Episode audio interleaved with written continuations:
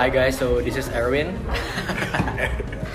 Gue lagi sama temen SMA udah lama banget nggak ketemu. Uh, he goes by the name of Christian Wirjadi, panggilannya KW. Say hello dong, we. Halo semuanya.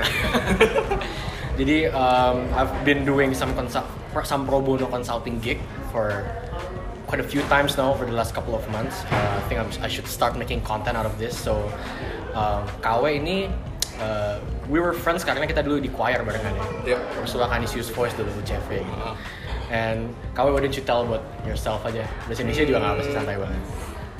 Gua ya gua sama Erwin uh, dulu mulai di Paduan Suara kenalnya dia guru gua juga guru conducting gua pertama loh gua belum tahu apa apa Masih coba newbie. coba ini tangannya di sini Oh iya. tangannya jangan ke mana-mana gitu stay aja oh, oke oke oke guru pertama gua Aduh.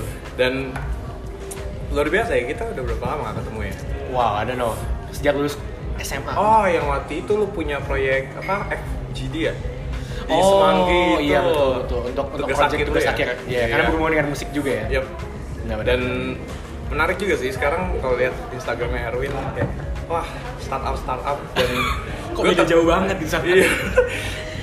dan gue tertarik juga sih karena gue juga lagi ngebangun uh, paduan suara juga paduan suara baru dan Sorry nih sebentar sebelum kita masuk ke sana nih, Ah. mungkin lu cerita dulu kali ya. Lu tuh dulu gua. kuliah di UI ya. gue di UI ya betul Dan lu dulu join paduan suara juga. Di Paduan Para kita. para kita Uh, how is it? Hmm, itu pengalaman yang menarik banget sih buat gua karena Lu ngelatih dan conducting di sana kan? iya dan di awal masuk kan emang gue sebagai penyanyi tapi memang gue banyak dikasih kesempatan untuk tampil juga karena mereka tahu gue muridnya seorang guru conducting hebat di Jakarta ya? iya iya. Romi. terus uh, dikasih beberapa kali kesempatan dan menarik dan maksudnya para kita kan salah satu paduan suara yang ngetop gitu dan standar itu tinggi jadi gue merasakan kayak oh wow it can be professional Hmm, hmm, hmm. nggak nggak cuman nyanyi seneng-seneng juga Betul. cuman cuma cuman nyanyi gitu-gitu aja gitu Apa lu punya cita-cita tinggi banget kan? iya Lu pengen kuliah ke Jerman. yep Ngambil jurusannya apa nih? musik ambil choir conducting Choir conducting. yep What makes you super passionate about this? Eh, menurut gue yang menarik dari menyanyi itu yang selalu gue pegang sekarang adalah semua orang pada dasarnya tuh lu sehari-hari lu punya lagu kesukaan biasanya dan lu bersenandung dengan itu entah di kamar mandi, kamar tidur gitu ya. dan basically semua orang bisa nyanyi cuman mungkin memang ada beberapa orang yang memiliki keterbatasan juga tapi keterbatasan itu juga bisa di- dilewati kalau dengan latihan dengan ya itu latihan terus Jadi it's a Dan- it's a muscle training kan sebenarnya. Iya, iya betul. Sama kayak nulis, kayak nulis lu melatih otot tangan lu kan. Betul. Tapi mungkin ntar ada tulisannya yang jelek, ada tulisannya bagus. Betul, betul. Dan menurut gua dari situ sih kita bisa bilang ya semua orang bisa nyanyi dan perlu mungkin nyanyi di paduan suara karena it it makes your mental health better. Betul. Lu nggak cuman individual, lu harus kerja sama sama tim. Iya, itu Iya juga kan? melatih soft skill Betul. gimana lu Ber- bersosialisasi. bersosialisasi betul. Belum kayak kalau misalkan lu nyanyi sendiri kan bisa segede-gede suara lu suka-suka di senak Iya, jidat aja kan. ah, Tapi kalau di choir kan lu harus nyesuaiin. Iya, menyesuaikan. your peers. Oke, so sekarang berapa choir yang lu pegang? Sekarang berarti ada lima yang gue pegang. Ada yang paduan suara gereja ada dua, ada paduan suara kampus UI, ada paduan suara SMP SMA juga, SMP SMA. Terus satu lagi yaitu paduan suara independen yang baru gue bangun. Oke. Jadi kalau misalnya ada yang sekalian mau cari coach buat choir ini, follow lu Instagram di mana? Hmm, At at Christian Wirjadi. Oke, at Christian Wirjadi ya guys, jangan lupa. Ntar gue masukin di description. Oke. Sekarang nomor HP cover oh, Oh, jangan. jangan. Nanti, nanti. Oke, so ya tell me about this uh, new choir, Oke. Jadi ini paduan suara namanya Kancatala Ensemble. Kancatala. Ya, Kancatala itu sendiri dari yang satu bahasa Jawa konco, artinya teman, kawan, dan tala itu nada. Hmm. Jadi sesuai dengan namanya kawan nada, di sini kita ingin berkawan dengan orang lain lewat nada, khususnya lewat karena kita paduan suara kita lewat bernyanyi. Jadi uh, kita menyadari masing-masing dari kita itu punya pengalaman yang cukup banyak di paduan suara dan kita seneng banget untuk nyanyi nyanyi bareng sama-sama dari lagu yang gampang-gampang sampai lagu yang sulit sekalipun kita menemukan ada selalu selalu ada yang menarik, ada yang selalu ada yang membuat kita seneng dan balik lagi ke latihan. Oke. Yuk konser lagi, latihan lagi, konser lagi. Dan kesenangan itu kita ingin bagikan juga ke orang lain. Hmm. Dan karena banyak yang biasanya kalau mereka nggak biasa nyanyi atau nggak bisa paduan suara, ketika minta diminta nyanyi, ah nggak mau ah suaranya jelek. Padahal kalau bersenandung tiba-tiba bagus bagus aja. Kenapa? gitu. Minder aja ya. Ada mindernya, rasa mindernya dan juga uh, sekarang kan lagi ya bilang ngetren mental health kan ya, mental health awareness kan. I see. dan kita ngerasa ini tuh uh, bisa memboost mental health juga dari bernyanyi. Uh, kita dari bernyanyi kita bisa mengekspresikan apa yang kita rasakan kita bisa keluarin. Bisa aja ada yang satu kali teman gue tuh ada yang uh, orang tuanya tuh lagi meninggal eh, baru meninggal. Terus di konser itu berapa hari sebelum konser dan di konser itu ada lagu yang menggambarkan hubungan dia dengan orang tuanya dan itu ketika nyanyi dia nangis ketika dengar lagunya dia nangis lagi dan itu Can you can touch heart. iya dan itu bisa melakukan perasaan kita gitu jadi kita nggak mendem doang gitu.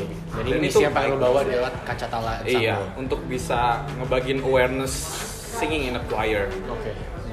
Sini eh, anggotanya siapa aja nih? Maksudnya latar belakang dari mana? Mereka anak-anak UI kah? Karena alumni UI atau saat ini sih rata-rata eh, kebanyakan itu anggotanya adalah anak UI yang teman-teman gua dari para kita berarti? Alumni para kita Paragita. ya? Paduan suara ini. tapi pun selain para kita ada juga sebenarnya gue mengharapkan sih paduan suara ini bukan paduan suara yang berat ke para kita tapi paduan suara yang bisa gabungan dari macam-macam tempat juga dan sekarang kita ya ada yang ada dari TB juga ada ada yang mungkin UI juga tapi non para kita Hmm. nah eh, untuk range umurnya sendiri sih itu range umur segua sih dan ini gue membuat berarti suara sekitar juga 22, 23. Yes, yes. Ya, oke, oke. Yang baru lulus terus kerja 2 3 tahun, 4 tahun rata-rata. Dan ini sih gue juga bikin ini menjawab kegelisahan teman-teman gue yang duh kangen nyanyi nih, ya. Kangen nyanyi, tapi kalau ikut para kita nggak sempet waktunya gitu. I see. Kira gue mencari jalan tengahnya ke sini. Oke. Teman gue ini. Terus jadi goal lu gimana dengan dengan, dengan paduan suara ini? Uh, goal utama dari paduan suara ini sih edukasi sebenarnya. Uh, jadi lewat kemar di bulan November yang lalu kita baru aja ada kunjungan kunjungan ke alma mater sendiri untuk mengunjungi paduan suara uh, UCV dan Perseviam. Oh, ke Kadisius maksudnya? Yes. Uh, Oke. dan uh, kita di situ ini sih ber- kunjungan kita tuh tentang paduan suara tapi biasanya kan paduan suara uh, kalau workshop atau apa gitu ngomongin tentang teknis sih sesuatu yang bawa teknis cara nyanyi gimana segala macam. tapi kita edukasinya bentuknya tuh kayak menunjukkan kenapa sih perlu nyanyi bareng-bareng di choir. Ternyata misalnya di choir itu kayak simulasi kehidupan nyata lu sebenarnya. Oke. kayak masing-masing tuh ada perannya ada sopran alto tenor bass. Masing-masing uh, ada yang suaranya tinggi ada yang suaranya rendah ada yang mungkin dua-duanya bisa Jadi lu bantu ngasih edukasi ya berarti ya? iya jadi kayak Sorry dan ini tuh if I may know ini part of your business atau ini cuma pro bono aja? sampai saat ini masih pro bono Masih pro karena bono. kita baru memulai juga kan Oke. tapi memang ada mimpi lebih jauh bisa sampai ke bisnis Oke. Jadi well, how can I help you with this? Uh, sebenarnya yang masih kesulitan adalah uh, Kancatala ini kan baru memulai dan kita memang dalam 5 sampai 10 tahun ke depan tuh ada mimpi untuk membisniskan ini. Uh, dan mungkin bisa kayak masuk juga ke company-company juga. Oke. dan em, tapi gue bingung ketika kita menyusun struktur organisasi atau eh, struktur organisasi apa sih yang tepat? Atau misalnya em, dengan kondisi yang sekarang tuh apalagi semua orang-orangnya tuh kan sebenarnya sampingan. Kaca klien ini sampingan pengurus-pengurusnya itu menganggap ini kaca sampingan. Hmm. jadinya kadang tuh sulit untuk membuat sesuatu yang lebih di Kacatala karena ya yang ngurusnya apa adanya sebisanya mereka aja. Masuk ke masuk ke company itu maksudnya gimana sih? Jadi misalnya ntar di company kan biasanya ada CSR Yes. dan CSR salah satu misalnya edukasi.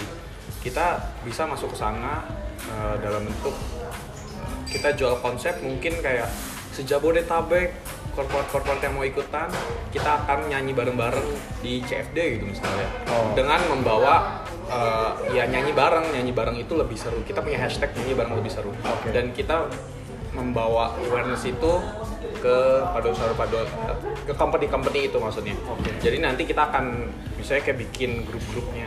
Itu sih salah satu ide sih yang terbayang di Oke. company. terus so far what have you done with the with the choir lu adain konser kah atau Kita November lalu baru aja konser oke eh, di mana di Galeri Indonesia Kaya. oke berarti Kemarin. kapasitas sekitar 150. seratusan 150 Mm-mm, 150. berbayar Nope. Karena Gratis gratis? Karena kan tempatnya gratis dan dia nggak boleh. lu cover costnya gimana men kita dari anggota kita sendiri itu kita Urungan ada iuran terus juga ya alhamdulillah puji Tuhan di setahun kemarin itu ada beberapa job juga yang kita ambil dan itu kita job itu job wedding nih berarti ada job macam-macam sih ada job wedding atau ngisi acara apa gitu yang biasa kan suka nyanyi Indonesia Raya di awal atau Oh. itu hiburan-hiburan sedikit itu ada berapa job kemarin. Oke. Boleh tau nggak range tiket size-nya berapa? Maksudnya tiket size tuh range uh, bayarannya kurang lebih berapa? It doesn't have to be detail, you can just give me a range aja gitu.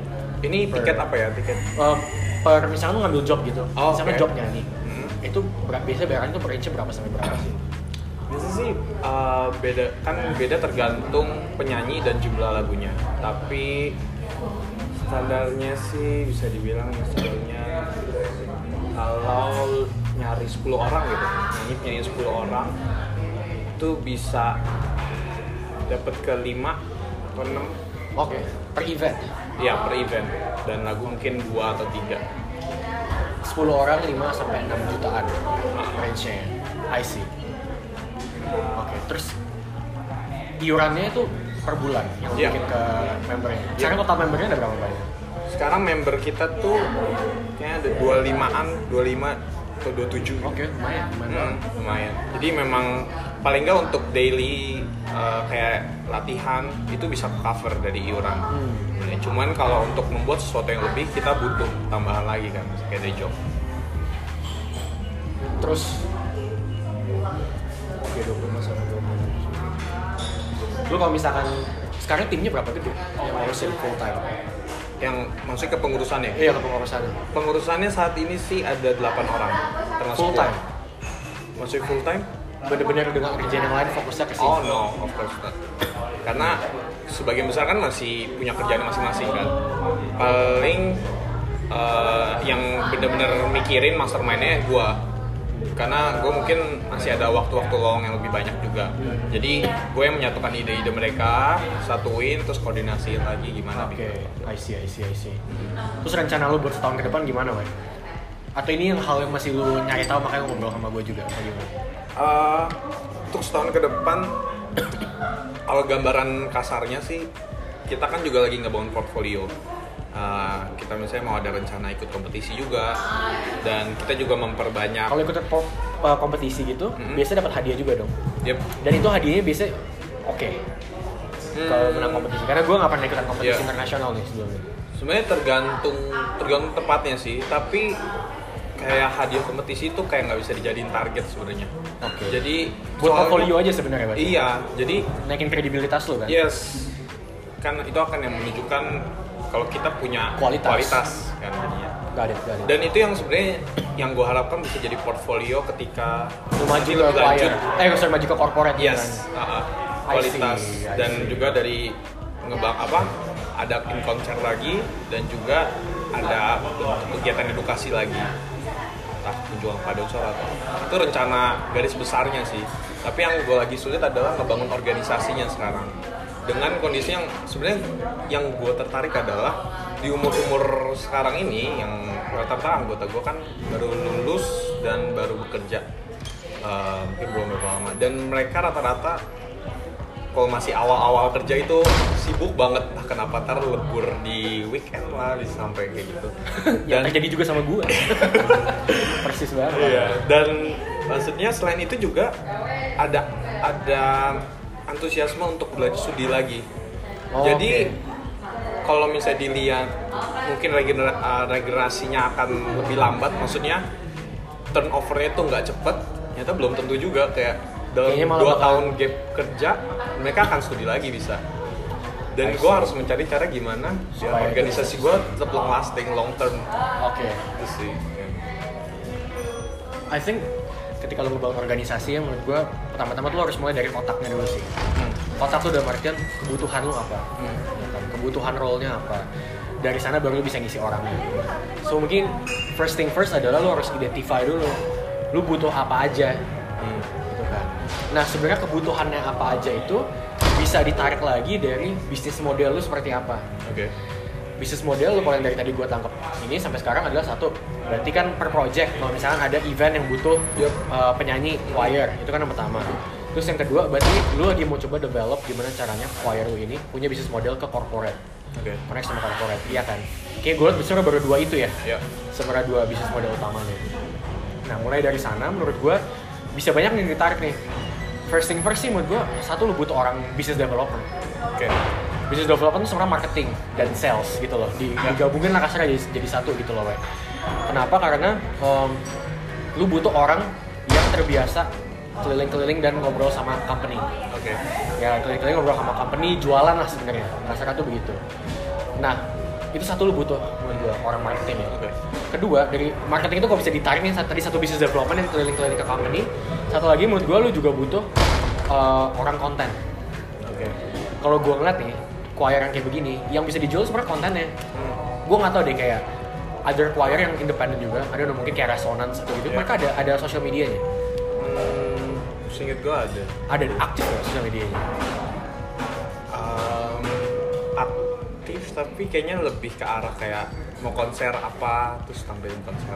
Oke. Kayak cuma gitu poster buat konser, publikasi standar menurut gue kita harus punya mindset yang beda sih dibanding yang itu ya Hmm. kalau misalkan standar kayak begitu lagi semuanya udah ngelakuin Ya. menurut gue lo harus mikir beda in a sense as a choir sama kayak other musician yang dijual adalah sebenarnya konten konten musik lo konten video lo Hmm.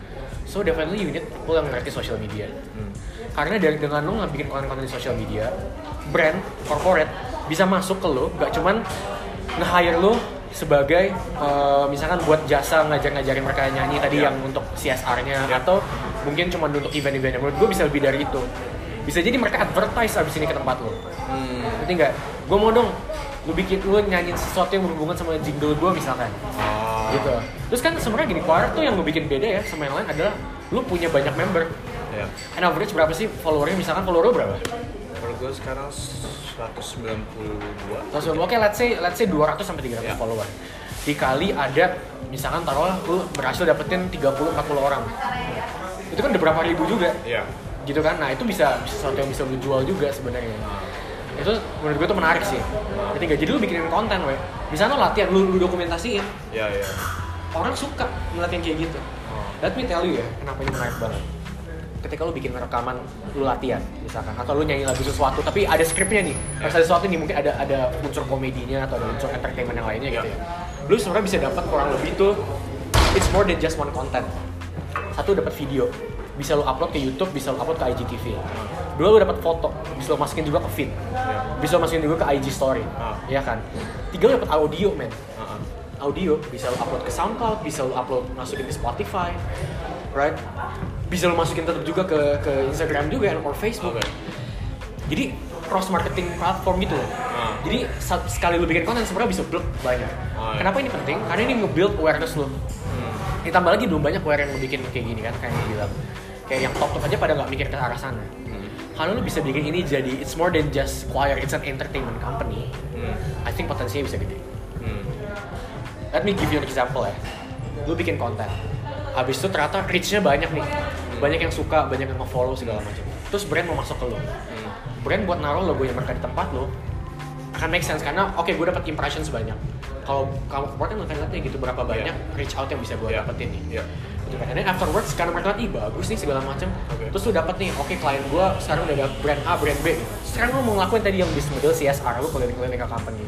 Nah itu kan lebih gampang juga. Hmm. Selain lu, ya mungkin bisa build portfolio dari lomba, sure.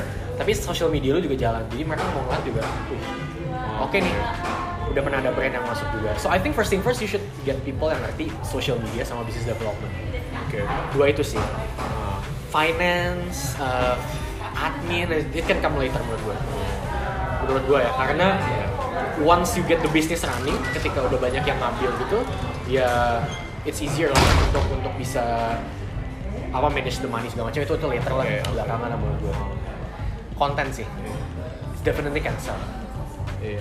Kita juga kemarin ini sih emang sempat tertarik konten karena awal di tahun 2019 ini sebenarnya yang megang sosial media tuh ada tapi ya mereka nggak se apa ya thoughtful itu untuk mikirin itu jadi oh yaudah kita yang penting adain dulu kayak tampang muka-mukanya pas latihan gitu kan Lu tau Pentatonix kan? Tahu. Of course ya, siapa yang gak tau? Iya. Sorry. Pe- menurut gue lo harus ikutin model Pentatonix. oh, oke Ya kan? Pentatonix is a, it's a, apa namanya, acapella group. Ya, acquire in a sense lah, sebenarnya kan. Acquire in a sense. Tapi mereka caranya mereka bikin, itu tuh pintar menurut gue. Mereka mulai dari konten dulu. Breakout star breakout momennya mereka dari YouTube malah. oh. Mereka bikin konten, orang banyak yang suka, akhirnya pada nonton, pada masuk juga brand segala macam. I think you should follow modelnya Pentatonix. Hmm, oh ya model kayak gitu Iya, jadi isi sosial media adalah konten-konten nyanyian. Gitu. Dibandingin cuma orang muka-muka lagi latihan ya. Konten video sih ya harus. ya ya ya Iya kan? Dengan dan bikinnya entertaining. Harus entertaining. Hmm. In a sense itu ngebantu menurut gue dari sisi anggota-anggota choir. Karena kan gue pengalaman juga lah dulu di choir, di orkestra segala macam. Susah banget ketika lu nggak ada end goal-nya kan. Orang datang ngumpul buat ngapain gitu kan. Iya, Kasarnya kan. iya, Ketik- pasti. Oke sure, sometimes you have project, tapi ketika misalkan nggak ada project kan itu harus lu isi tuh. Menurut gue bikin konten-konten gini bisa jadi goalnya juga yang menyatukan supaya orang choir-choir apa anggota-anggota lu juga pada mau datang segala macam sih. Hmm, oke Iya kan? karena ini zaman sekarang sih sosial media tuh gila lah Bener, it's uh, Iya. we're living in a very good moment, in a Iya, very iya. good. It's super easy to get like thousands of followers, as long as you make the right content yang berguna dan juga yang uh, yang orang suka lah buat bacanya dan buat liatnya gitu menurut gue ya. Ya kan, I think that's first thing. Terus misalkan, yang- sorry, can you explain again tadi yang kalau CSR dan company dan corporate gimana modelnya? Hmm, sebenarnya untuk bentuk ya, bentuk konkretnya sih masih bingung. Tapi intinya kita menjual konsep eh, kita nyanyi bareng lebih seru itu untuk company-company.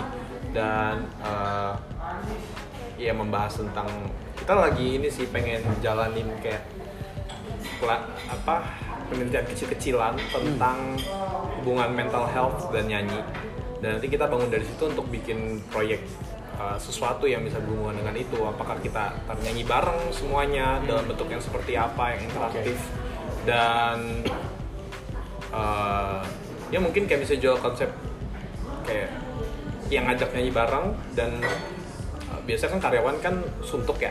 Kalau orang-orang kantoran tuh suntuk kerja berapa lama tapi dengan menyanyi bareng ini nyanyi bareng-bareng semuanya dengan kondisi yang interaktif itu mungkin bisa membuat mereka lebih senang dan siap untuk I see. kerja lagi Lu pernah dengar ada uh, konsep namanya barnyard and wine? Barnyard and wine. Gue lupa sih persisnya apa. Kalau nggak salah sih barnyard and wine ya. Intinya mereka a group of painters, pelukis. Jago juga ngelukisnya itu jago. Mereka ngebikinin uh, kelas-kelas buat corporate gitu juga. oke Jadi sama kan, ya, mental health, Ya. uh, terus kayak uh, untuk refreshing segala macam. Kan mereka jualnya ke mana? Mereka jualnya ke HRD perusahaan-perusahaan ini di luar sih di Amerika sih. Mereka jualnya ke HRD HRD di perusahaan. C levelnya nih, CEO-nya, CFO segala macam, pakai itu buat refreshing. Dia dapat benefit. Kayak ko- uh, company company outingnya adalah mereka latihan painting. oke This model menurut gue bisa replicable buat lo. oh. Iya kan, jadi jatuhnya malah ya lo for ini, for having fun, Iya. nyanyinya for having fun gitu. Oh. Dan kayak gue bilang banyak pasti sebenarnya yang suka nyanyi dan pengen cari wadah gitu. Kalau misalkan bisa sama teman-teman yang emang udah lo kenal juga, kayak maksudnya as in your your colleagues segala macam ya even better sih. Iya. Gitu. tapi again I don't know ya ini banyak banget sih multiple model yang bisa lu cobain I think you should focus on one dulu tapi misalkan model yang nyanyi sama bersama lebih seru itu kalau bisa lu bikinin bundling lebih Apa? interesting bundling bundling Bundling. artinya lu paketin maksudnya oke saya paketin misalkan jadi company bisa urungan Ah, ah. bilang oh budget gue 1 m misalkan ya Ah. misalkan 1 m lu paketin ini bisa dap bisa buat berapa bulan gitu kan paketnya lu bisa dapat akses ke kelas gue berapa bulan terus ini bisa buat berapa orang per company Hmm. Gitu dan lu bikinnya kuota lu bikinnya kuota jadi orang harus sign up sign up sign up sign up gitu Ngerti nggak? Iya, iya. terus ini ya lu lu paketin jadinya jadi buat buat company misalkan bayar 1 m tapi bisa buat 6 bulan ya oke lah Hmm, gitu sih menurut gue jadi gue gitu ya. Yeah. So what do you think?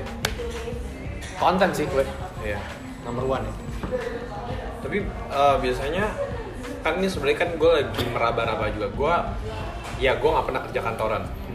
Jadi di sini gue sendiri meraba-raba apa sih yang kira-kira menarik untuk corporate itu. Tadi kan mungkin yang lu sebut misalnya konten, kita bisa jual konten eh, atau apa lagi gitu. Dan gue sebenarnya jadi masih meraba juga kayak apa sih yang menarik, apa yang bisa gue apa ya, apa yang bisa gue jual ke mereka gitu menarik. Sih gue bingung sih sekarang ini tuh. Sebenarnya ada dua cara sih. Either lu mulai dari problem yang mereka punya atau lu mulai dari kelebihan yang lu punya. Karena ketika lu ngomongin ide bisnis ya, Hmm. it's either lu jadi vitamin atau lu jadi obat sebenarnya. Ya. Jadi nggak kalau vita kalau lu jadi obat, mereka punya mereka sakit nih, mereka punya masalah. Lu kasih obatnya, lu selesai masalah mereka.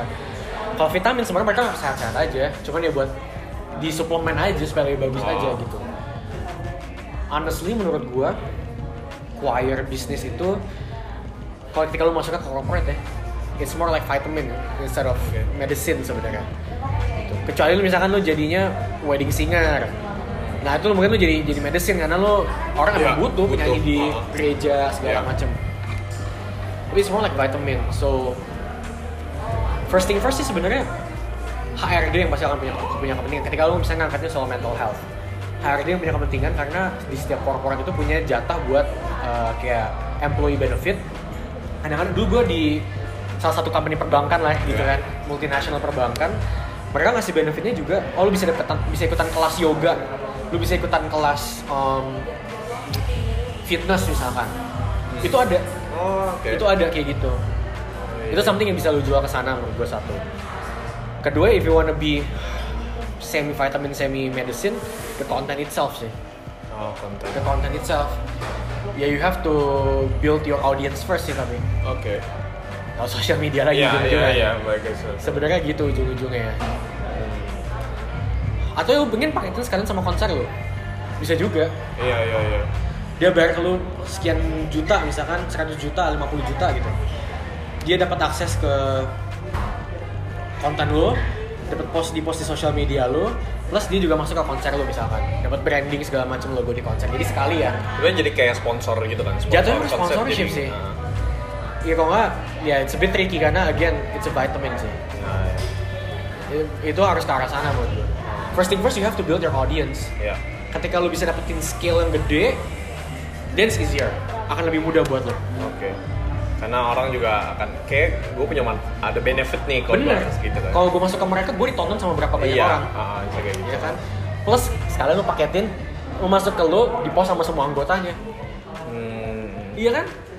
Iya, anggota-anggota lu influencer juga. hmm, iya, iya. Kalau lu bisa dapetin anggota yang followernya banyak, lebih bagus lagi. Iya, iya. gue gak tau ada gak sih kayak seleb choir singer yang beneran banyak followernya misalnya I don't know ya ada ada sih yang kayak alumni uh, para kita yang dia jadi beauty vlogger lah atau misalnya nah kayak gitu-gitu lu tarikin menurut gue yang kayak gitu-gitu harus tarikin sih. Iya supaya jadi banyak kolektif lah. Masuk ke lu bukan cuma masuk ke sosial medianya ini doang masuk ke semua sosial Iya, medianya iya. orang-orang itu. Hmm, iya. I think the strength is in itu content and the collectiveness of the choir itself. Oke. gitu sih. Ya kalau tadi kan kita ngomongin apa? Zaman sekarang sosmed itu ini banget kan men- gila banget efeknya kan. Betul. Ada nggak sih selain sosmed itu sendiri ada nggak hal lain yang mungkin sekarang tuh lagi trennya atau yang sosmed sendiri sebenarnya TikTok sih menurut gue bakal naik. Oke. Belum banyak tuh yang ngeliat ke TikTok semua orang masih ke Instagram kan? Hmm. tapi organic reach Instagram tuh udah turun. Oh oke. Karena udah saturated banget sekarang. Hmm. udah begitu banyak orang kan? It's too it's too uh, apa namanya? Noisy. Hmm. TikTok itu masih naik. Lagi naik banget. Oh, iya? parah. Parah parah parah parah. TikTok's gonna be the next big thing. TikTok ini kayak sama kayak uh, sekarang kondisi posisinya ya sama kayak Facebook. Waktu zaman dulu Friendster masih hidup. Oh, Facebook cuma buat anak-anak hipster doang atau Instagram dulu waktu zaman Facebook masih hidup lah. Eh sekarang Facebook juga masih banyak sih di Indonesia penggunanya masih paling banyak sih tetap. Eh di bawahnya YouTube ya. Tapi masih di atasnya Instagram. In a sense TikTok now sekarang di posisi itu. Sebab mereka kalau misalkan lo mau gede masuk ke TikToknya dari sekarang sih. hmm. Harus dari sekarang. Dia bikinin short short skits. Coba aja mulai nge-post nge-post di sana. Hmm. Organic reach-nya lebih gede. Hmm. Sebenarnya ada satu lagi, LinkedIn. Oh. Tapi menurut gue LinkedIn kayaknya nggak masuk sih kalau LinkedIn belum. kayak bisnis dong Iya buat bisnis kayak kayak kurang masuk ya sebenarnya kalau ya. Kecuali nanti lu udah mau masuk ke B2B, B2B apa itu? ya itu masuk ke corporate yang tadi, Oke. itu mungkin udah cuman satu-satu kali. Mungkin lu harus fokusnya I think di Instagram, TikTok, and YouTube ya. Karena semuanya berhubungan dengan video kan. Hmm. Lu rekam sekali lu dapat di tiga platform langsung Hmm. sebenarnya. Oke. Kemarin lucu juga sih pas gua kunjungan itu ke ICV dan IVM itu di akhirnya kita ada foto bareng terus ada salah satu anggota kayak tunggu tunggu tunggu tunggu ternyata mau ngapain ya TikTok Terus kayak oke gue dan teman-teman gue kayak ini gue nggak biasa tapi kayak mereka oh TikTok oh, oke Si, si, Iya. bener anak-anak yang masih SMP SMA ya, Ah. semuanya ke sana man. karena kayak di saat yang uh, peer gua itu ngomongnya bumerang mereka itu TikTok jadi kayak Bener. oh oke Exactly. Oh. TikTok is gonna be the next thing. You should get there first sebelum ada yang lain masuk. Sebelum choir-choir lain masuk. jangan masuk ya iya. Hmm. Dari channel itu dulu sih saya coba dilihat juga sih Iya. So what else? How can I help you lagi? apa lagi ya oh iya tentang itu tentang bagaimana kan gue kan kondisinya anggota gue itu belum tentu long lasting. Maksudnya long lasting dalam arti uh, mereka masih ada rencana-rencana lain di hidup mereka dan hidup mereka berubah dan ini bukan full time. Bagaimana membuat organisasi ini bisa cukup long term dengan kondisi uh, mungkin pengurus dan apa anggotanya bisa berubah dalam misalnya dua tiga tahun sekali gitu Ada lo modelnya kayak Resonance Children Choir atau Resonance sendiri atau Batavia Madrigal Singer itu kayak gimana modelnya mereka? Gimana cara mereka Oh. jagain si anggotanya itu? sebenarnya sih kalau dari sejauh yang gue tahu ya gue kan belum pernah di dalamnya tapi dari yang gue lihat tuh mereka memang udah ada anggota-anggota setia yang paling Core nggak- timnya jadinya. iya yang Berapa banyak, steady pengurus paling ke pengurusannya gue nggak tahu berapa banyak ya Pakai dua tangan bisa dihitung. Lebih. Kayaknya bisa lebih deh belasan mungkin Belasan masih. Oke. dan uh, orang itu cukup dijaga lah gitulah dan mereka kan udah jalan lama kan udah jalan bertahun-tahun My question is gimana cara mereka ngejagain? Digaji kah atau dapat saham kah atau gimana sih? hmm, gue ragu mereka digaji tapi Bener-bener ya, passion purely based on passion aja. dan portfolio ketika lu masuk misalnya uh, Batavia Madrigal Singers orang akan ngeliat kayak wah anak BMS ya wah Oke. coba dong ngelatih dong di sini Jadi udah Gitu dapat job loh. lebih gampang. iya untuk orang-orang yang punya ketertarikan sana gitu dan Hmm. uh, ada salah satu temen gua yang baru masuk di situ dan dia share ke gua kayak yang dia seneng di situ adalah temen gue ini passion ba- banget soal musik choral music dan buat dia ketika persiapan konser semua orang tuh kayak berusaha untuk mencapai yang terbaik gitu nggak ada yang kayak ah udahlah gue segini aja lah karena semuanya punya passion yang sama jadinya gerak ke sana dan emang rasanya enak sih. Kalau lu punya teman peer yang semangatnya kan satu tujuan ke sana gitu nggak yang pecah-pecah. Dan itu buat temen gue sih itu menyenangkan jadinya. Ngerti ngerti. stay. Menurut gua gimana ya? ketika misalkan BMS atau atau resonance gitu. Ketika mereka punya job sebenarnya kan pasti si penyanyinya semua juga dapat persenan dong. Iya harusnya. pasti mereka dapat dibayar juga dong ketika tampil Oh, ya. job job. nggak mungkin enggak kan? Ya. itu harus ada juga sih di model lu. Sekarang lu, lu- mungkin lu nggak bisa janjiin sekarang nih ke mereka buat dapetin persenan itu. Tapi bilang once kita dapat sponsor quote unquote atau masuk ada brand yang mau masuk buat taruh duit di sini ya lu harus bagi persenan sih Tapi ini berarti untuk menjaga anggotanya untuk long lasting berarti ya. iya Tapi kalau pertanyaan gue sebenarnya apa ya? Ada nggak sih kayak atau plan yang bisa gue buat yang membuat regenerasinya bisa cepet atau misalnya meskipun orang-orang pengurusnya satu dua berganti kita tetap bisa keep going dan arah gitu. menurut gua sama konsepnya kayak company recruiting ke universitas-universitas Oke. mungkin lo harus lakukan hal yang sama juga. Mungkin lo harus cari mungkin top 5 universities. I don't know UI, ITB misalkan Prasmul, I don't know uh, UMN Atma gitu-gitu misalkan. Yang, yang deket-deket aja dan lu punya koneksinya. Lu ngomong sama choirnya. Bilang gue lagi bikin choir kayak begini. Eh, boleh nggak kalau misalnya ada anggota lo tertarik ini gue kasih posternya buat orang daftar you have to have that sih. Paling gampang sebenarnya sih lu masuk karena posisi sekarang anak-anak Paragita ya. Paling gampang sih bilang ke Paragita alumni alumni langsung masuk ke sini aja otomatis. Paling gampang ya menurut gue supaya turnover pun it's hard sih gue sebenarnya. Lu ke company-company juga gitu sama sekarang turnovernya. Tapi milenial saya mohon maaf Iya. Jujur-jujuran aja gue Gue aja gue denger katanya ada yang kayak enam bulan sekali ganti kantor. sih. Oh iya? Anjir. Oh iya, tahun lalu gue 10 bulan di, di, di perbankan itu Oke. Gue 10 bulan doang, habis itu gue pindah ke sini Oh di sini gue, gue berencana long term sih, tapi maksudnya Bener, turnovernya setinggi itu Emang it's a hustle sih Cuman I guess you have to build the sense of community ya Hmm. Ketika ada sense of community dan Ya sama lah kayak dulu Lu choir di kuliah kan juga sama kan? Sebenarnya kan gak ada kewajiban buat mereka datang. Iya. Yang bikin mau datang apa sih? Menurut gue ketemu teman. Lu ada project barengan. Iya. ya mungkin sekarang kalau udah lulus tambah lagi. Lu ada insentif keuangan lah misalkan gitu ya. Jadi tiga faktor itu aja sebenarnya harus dibangun ya. So mungkin bikin emang senyaman mungkin buat komunitasnya supaya kalau mereka datang tuh kayak lu ketemu teman Eh, monetary value mungkin will make sense. Ya kalau mau dapet leads anak-anak yang join mungkin datang ke kampus lu dulu aja sih. ke Paragita dulu Iya. kan toh lu dulu ngelatih kan Iya. so you must be well known di ada adik-adik kelas semua bisa kenal Christian jadi siapa gitu Iya, iya. it will be easier for you Iya. Oke, hey, join gitu kan. Lo kan Iya. pasti butuh komunitas dong gitu. Dan dari sana lo bisa ini. Pasti, gue yakin gak mungkin gak ada sama sekali sih. Masa sih dari sekian dari 100% gak ada lah 5 sampai 10% yang kecantol jadi anggota permanen lo yang kira jadi pentolan-pentolan.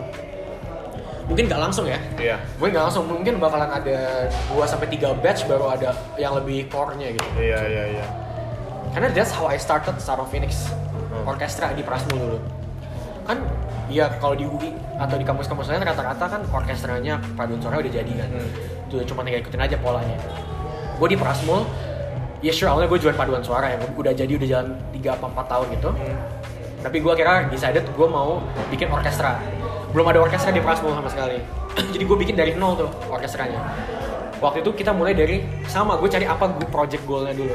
Project goalnya adalah kita mau tampil di acara teaternya Prasmul, Sanskerta waktu itu. Terus kita blast di mailing list gitu. Siapa nih kita butuh pemain biola, pemain wood, apa kita butuh strings, kita butuh woodwind, butuh brass gitu kan. Ada yang datang nih, dikit banget men. Cuma 10 orang gitu. Anjir. It's not even a freaking or it- maybe it's a chamber gitu kan Iya. tampil nih tapi abis itu dan gue bayangin dari 10 orang itu yang stay is only like 5 to 6 people Hmm. dikit banget gue mau bikin UKM gimana caranya bikin kegiatan mahasiswa Iya. gimana caranya tapi kita kira berani diri kita ajuin proposal ke kampus Hmm. the next the angkatan baru masuk kita buka open recruitment tambah dari 6 orang jadi 19 orang dari 19 orang itu akhirnya nambah lagi yang stay sampai tahun berikutnya itu total cuma kayak 10 sampai 12 orang doang gitu ya so obviously nggak 100% Hmm. gitu kan tapi itu orang tuh jadi core Yang sampai gue lulus pun, sampai kita sekarang lulus pun, kemarin konser alumni-alumni yang core itu masih ikutan tampil, masih ada hati buat Iya. main juga. Iya. And the following year same thing. Mungkin nggak semua, tapi ada core 4 sampai 5 orang yang stay and stick with that. Hmm. Dan caranya gue dulu nggak bikin mereka mau stay, dan I make sure it's the best people yang stay adalah gue tau orang-orang yang jago-jago ini. Ya. Sure mungkin misalkan lo belum punya capability buat kalau dulu kampus kan hitungannya ngasih lo apa ya exposure gitu ya. Atau yang karir atau atau kayak pengalaman organisasi segala macam lu gue kasih mereka panggung. Hmm. itu insentif gue buat mereka. Ini orang-orang yang jago langsung gue identify. Gue bilang lu mau nggak jadi ketua tahun depan? Lu mau nggak jadi konduktor tahun depan? Lu mau nggak aransemen? Lu mau nggak me- megang kita punya konser nih jadi ketua panitia jadi yang terbaik terbaik itu akhirnya mereka nggak pindah ke organisasi lain karena mereka dapat kesempatan buat dapetin portfolio Oke. itu caranya gue dulu di Ya. Prasmul nah akhirnya gitu growing akhirnya udah lama-lama jadi gede core people Hmm. dengan cara gue gitu gue kasih mereka a sense of community karena jadi emang asik banget kita bikin di luar cuman dulu ya cuman orkestra ya kita nyampe gue bikin tutoring buat kalau mereka mau ujian gitu Iya. gue kasih seriusan bener Oke, ya. ada men anak orkestra gue gitu ya Stephanie if you hear this uh, apa namanya? Kayak ngetok pintu kamar gue kayak kok Erwin ajarin gue nih jam 2 pagi men? Gue besok ujian nih mikroekonomi gue gak ngerti kayak iya iya gue ajarin kayak gue gitu. Gue gue bikinin gue ngomong di grup ayo siapa yang mau mentoring gue kasih gratis nih gitu. Gue ajarin pelajaran kuliah beneran gitu. Ah, gitu. iya. which dari sana dari kita sering makan bareng kalau itu kan komunitas. Dari sana kan mereka ngerasa gila gue di sini gue gak cuma main musik doang gue dapet teman-teman baru gitu. Iya. ini something yang gue rasa gue lu juga udah tahu lah pasti Iya, juga iya, udah expert iya, lah. Cuma maksudnya gue emang snowball sih snowball effect lah bola salju gitu Hmm, iya, iya. karena lama-lama per batch per batch per batch lama-lama jadi gede juga Maybe that's Iya. something you can take away juga gak sih? Misalkan, misalkan Karena kan lu ngajar gak cuman satu tempat nih Dan lu kan gak cuma, gak cuma megang satu choir Ada job di mana lu tarikin Lu Hmm. ngebukain job juga sebenarnya buat mereka Something you can Oh iya iya. iya. Iya kan, kayak gitu-gitu lah Bisa. Soft skill sih Hmm. Itu agak susah di systemize sih menurut gue Oh, Oke. ad- 50-50 lah Systemize-nya in the sense lu uh, datang ke choir lu bilang yang yang lulus join gua Ah. unsystemize-nya bikin tadi community-community gathering yang kayak Iya. gitu terus yang lu buka-bukain pintu segala macam Oke. it's not scalable right emang PR banget tapi doing things that are not scalable itu penting di depan-depan sih supaya lu punya akar yang kuat ya di bisnisnya Oh. Oke. Itu itu banget sih. Emang gue membayangkan kan gue membayangkan apa sih step-stepnya yang bisa gue capai untuk menuju apa menuju korporat gitu kan. Eh, dan itu yang gue pikirkan kayak kualitas paduan suara udah mesti ada jaminannya. Terus jejak tentang edukasinya. Lu mau ngasih konsep edukasi lu pernah edukasi nggak gitu kan? Gue mesti kasih itu. Dan selain itu SDM juga. Maksudnya SDM dalam arti mereka kuat emang mereka choir. Tapi format mereka tuh mungkin nggak akan jadi choir di depan korporat. Karena kan yang mungkin in charge misalnya untuk ngajar cuma satu orang dua orang nggak bisa satu choir kan. Jadi gue harus memastikan kayak oh SDM-nya juga mantep juga nih dan mereka tuh paham betul kan cara kalau jadi kayak kayaknya itu yang bisa gue buat kali ya dalam beberapa tahun ke depan gitu. Kayak gitu ya. If I were you ya next stepnya ya selain nyari orang yang ngerti bisnis sama konten tadi itu gue bakalan cari tahu choir-choir di dunia kur yang di dunia. Mereka modelnya kayak gimana? Mereka dapat duit dari mana aja? Itu satu. Terus lu pelajarin apa yang bisa lu ambil lu, lu, lu ikutin aja copy persis aja ke sini. Tapi mindset lu jangan sama kayak paduan suara yang, yang lain yang ada di Indonesia. Mindset lu harus ke konten menurut gue itu sekali lagi. Jadi modern banget. Sekali lebih modern itu kan juga kita sama-sama millennials lah gitu. Iya, iya. muda. we have to think different hmm. Dibandingin sama choir-choir lain emang sure mereka udah punya portfolio mereka udah punya orang-orang yang jauh lebih jago yang udah Yeah. lebih pengalaman. Tapi they don't have the mindset of a millennials. Menurut gue that's ya the powerful tool. Hmm, oke right. Oke oke so maybe that's it kali ya untuk podcast. Oke thank you so much wah udah 44 44 menit ternyata. Oke so uh, thank you guys for listening. Uh, yeah I'll, I'll make more of this. Then the next time I'm doing some pro bono consulting gig like this. Jadi uh, jangan lupa follow ke mana tadi? At Christian Wirjadi. At Christian Wirjadi ya guys. Kalau misalkan mau cari guru choir. Alright, see you and talk to you next time. Bye.